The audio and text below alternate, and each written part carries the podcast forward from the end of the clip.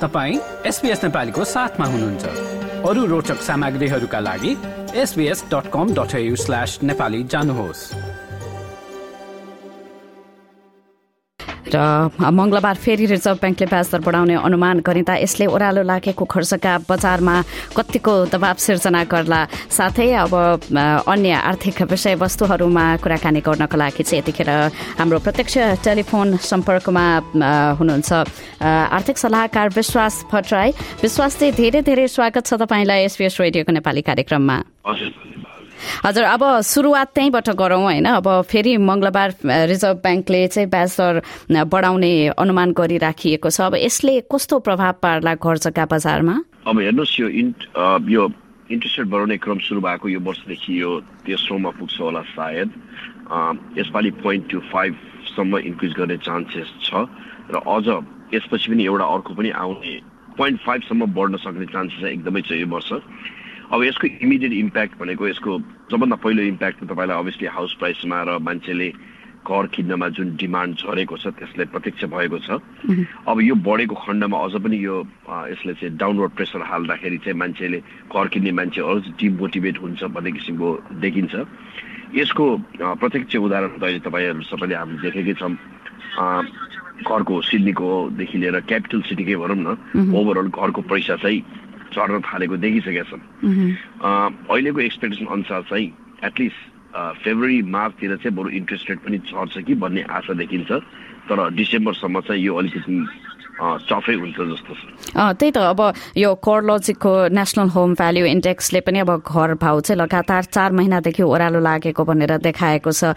अब प्रत्यक्ष देखिन्छ यो बजारमा कस्तो छ यो यसको प्रभाव चाहिँ? यसको प्रभाव चाहिँ निरन्तर देखिया छ होइन? सबभन्दा ठुलो त हजुरको अहिले हामीले देखेकोमा चाहिँ हामीले चाहिँ नम्बर अफ डेज भन्छौँ। त्यो चाहिँ कस्तो भन्दाखेरि प्रपर्टी मार्केटमा राखेदेखि कति दिन लाग्छ त्यो प्रपर्टी बेच्न भन्नेको त्यसले चाहिँ त्यो चाहिँ सबभन्दा ठुलो इन्डिकेटर हो। अहिलेको लेभलमा त्यो झन्डै तपाईँको फोर्टी डेजदेखि लिएर अप टु नाइन्टी डेजसम्म हामीले देखेका छौँ। त्यो बाहेक पनि धेरै प्रपर्टीहरू चाहिँ मार्केटमा बेच्न नसकेर त्यो लिज एक्सपायर भएर बिग्दै नभएको पनि देखिया छ। जुन चाहिँ राम्रो इन्डिकेसन होइन? तर त्यो बाहेक तपाईँको सिद्धिमा पनि भन्ने हो भने कुनै कुनै पकेटहरूमा हामीले फाइभ टु सेभेन पर्सेन्टसम्मको डिप देखिसकेका छौँ। क्वार्टरली झन्डै हामी एभरेजमा हेर्ने हो भने ओभर सिक्स पर्सेन्टको सिक्स पर्सेन्टको चेन्जेस चाहिँ देखिसकेको छ मार्केटमा अहिले अब यो ट्रेन्डमा क्या अहिले जुन देखिएको छ अब मुख्य सहरहरूबाट अब त्यही कोरलोजिककै त्यो यदि अनुसन्धानलाई हेर्ने हो भनेदेखि रिपोर्टलाई हेर्ने हो भनेदेखि पनि सहरहरूबाट मानिसहरू अलिकति बढी रिजनल क्षेत्रतिर आकर्षित भएको हो कि भन्ने देखिएको छ। कस्तो छ त्यो रिजनल क्षेत्रको चाहिँ घर जग्गाको अवस्था? अब रिजनलमा चाहिँ अहिले अलिकति राम्रो किन भएको छ भन्दाखेरि यो चाहिँ नेचुरल माइग्रेसनमा जहिले पनि त्यो रिजनल चाहिँ पहिलादेखि नै राडरमा थियो। किनभने जब मान्छेहरूको मुभमेन्टहरू भनौँ न पिआर हुनलाई या त स्किल वर्कफोर्स जहिले पनि रिजनलमा गएको पहिलेदेखि देखिन्थ्यो। तर सिडनीमा चाहिँ अलिकति नेगेटिभ के भएको छ भने बाहिरबाट जुन आउने मान्छे छ क्यापिटल सिटीमा आउने मान्छे चाहिँ ड्रप भएको हो खास। त्यसले गर्दा चाहिँ रिजनल हाइलाइटमा आएको हो। तर त्यो क्रम चाहिँ अब अब सायद चाहिँ बेटर हुन्छ होला। होइन? अब अर्को अर्को सबभन्दा ठुलो वरि भनेको चाहिँ सिडनीमा सिडनीमै नभनौँ होला अस्ट्रेलियामा बिल्डिङ एप्रुभल जुन छ त्यो भने चाहिँ नयाँ घर बनाउने कन्स्ट्रक्सन युनिट घरहरूको जुन एप्रुभल छ त्यो चाहिँ सिग्निफिकेन्टली अप टु सेभेन्टी पर्सेन्टसम्मको डाउन देखिसकेका छन्। अब के कारणले त्यो स्वीकृति दिनमा चाहिँ कमी किन आएको?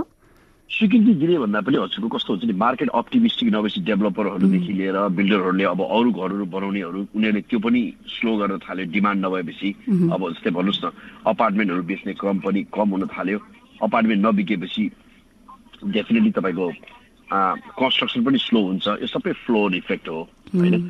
तर यसले गर्दा चाहिँ के देखिन्छ भने यदि हामीले अहिलेको लेभलमा माइग्रेसन ओपन गरिरहेछौँ जुन लेभलमा गभर्मेन्टको जुन फोरकास्ट छ र बिल्डिङ एप्रुभल चाहिँ नेगेटिभमा गएको छ। त्यसले गर्दा के हुन्छ भन्दाखेरि I think one and half इयरदेखि two इयर्समा चाहिँ प्रपर्टीको चाहिँ सिभियरली सर्टेज हुने देखिन्छ अहिले। त्यही त अब फेरि सरकारले माइग्रेसनको जुन क्याप छ त्यसलाई बढाउने त भनेको छ तर फेरि पनि रिजनल क्षेत्रलाई नै अलिकति बढी प्राथमिकतामा राख्ने देखिएको छ। अब यसले सिडनी मेलबर्न ब्रिस्बेन लगायत यी जुन क्यापिटल सिटीहरू रहेका छन् यो सहरी क्षेत्रमा चाहिँ यसको प्रभाव अझै पनि केही समयसम्म रहने देखिएको हो। अब मलाई चाहिँ त्यस्तो इम्प्याक्ट होला जस्तो लाग्दैन किनभने अब सिडनी र मेलबर्नकै कुरा गर्दाखेरि जुन हिसाबले सिडनी र माइ मेलबर्नले बाहिरको माइग्रेसन लिन्छ त्यो चाहिँ एकदमै म्यासिभ छ एकदमै म्यासिभ छ। हामी रिजनल जाने भन्दा चाहिँ त्यो धेरै नै ठुलो भोल्युममा भएको हुनाले खासै मलाई लाग्छ क्यापिटल सिटीमा चाहिँ अस्ट्रेलियाको कुनै पनि क्यापिटल सिटीमा चाहिँ हामीलाई त्यति रिजनलमा अहिले बढेको त हो तर त्यसमा डराउनु पर्ने जस्तो चाहिँ लाग्दैन। तर के चाहिँ डेफिनेट लाग्छ भन्दाखेरि अहिले भने जस्तो वान एन्ड हाफ इयर्समा यदि हाम्रो बिल्डिङ एप्रुभलदेखि लिएर यो जुन हिसाबले सप्लाई मिट भएन भने चाहिँ टु इयर्समा चाहिँ डेफिनेटली यो फेरि एउटा यस्तो लेभल आउँछ कि जहाँ कि प्रपर्टीको सर्टेज फिल भएर फेरि सप्लाई सप्लाई कन्जेसन भएर प्रपर्टी प्राइसहरू बढ्दै देखिन्छ होला सायद अब यसमा अलिकति अछुतो रहेको चाहिँ डार्बिन रहेको देखिन्छ रिपोर्टमा होइन? अब यो डार्बिनमा चाहिँ किन यो यो बजार अलिकति स्थिरै देखियो? डार्बिन चाहिँ अलिकति अचम्मको पकेट भएको छ यसपालि होइन? एक त सबभन्दा अर्को कुरा डार्बिनको मार्केट एकदमै सानो छ। त्यही भएर मन्थ टु मन्थ बेसिसमा चाहिँ डार्बिनलाई हेर्दाखेरि चाहिँ अलिक जस्टिस हुँदैन। जस्तै यो अगस्तको मन्थमा पनि भन्ने हो भने डार्बिनले खास पोइन्ट एट पर्सेन्टले ग्रोथ गरेछ डार्बिन मात्रै यस्तो सिटी होला अस्ट्रेलियामा जहाँ कि ग्रोथ गरेछ अब डार्बिनमा चाहिँ त्यति इमिडिएट इम्प्याक्ट हामीले देखिसकेको छैनौँ। किनभने डार्बिन चाहिँ अझ पनि रेन्टल रेन्टलले एल्ड गरे मार्केट हो। एकदमै हाई रेन्टल रिटर्न छ। प्रब्लम डार्बिन र ताजबिन एउटै राडरमा छ त्यसमा। आई थिङ्क डार्बिनले पनि यो पिन चाहिँ फेल गर्छ तर आई थिङ्क डार्बिनलाई चाहिँ एक क्वार्टर जस्तो लाग्छ होला त्यो एक्चुअल डाटा पाउन। अहिले चाहिँ इमिडिएट डाटा भएको हुनाले त्यस्तो फिल मात्रै भएको। हजुर। हस् धेरै धेरै धन्यवाद विश्वासी यो कुराकानीको लागि। अब फेरि अर्को महिना कुराकानी गरौँला अहिलेको लागि धेरै धेरै धन्यवाद। हस् धन्यवाद। र उहाँ हुनुहुन्थ्यो आर्थिक सल्लाहकार विश्वास भट्टराई। विभिन्न आर्थिक विषयमा हामीलाई जानकारी दिँदै र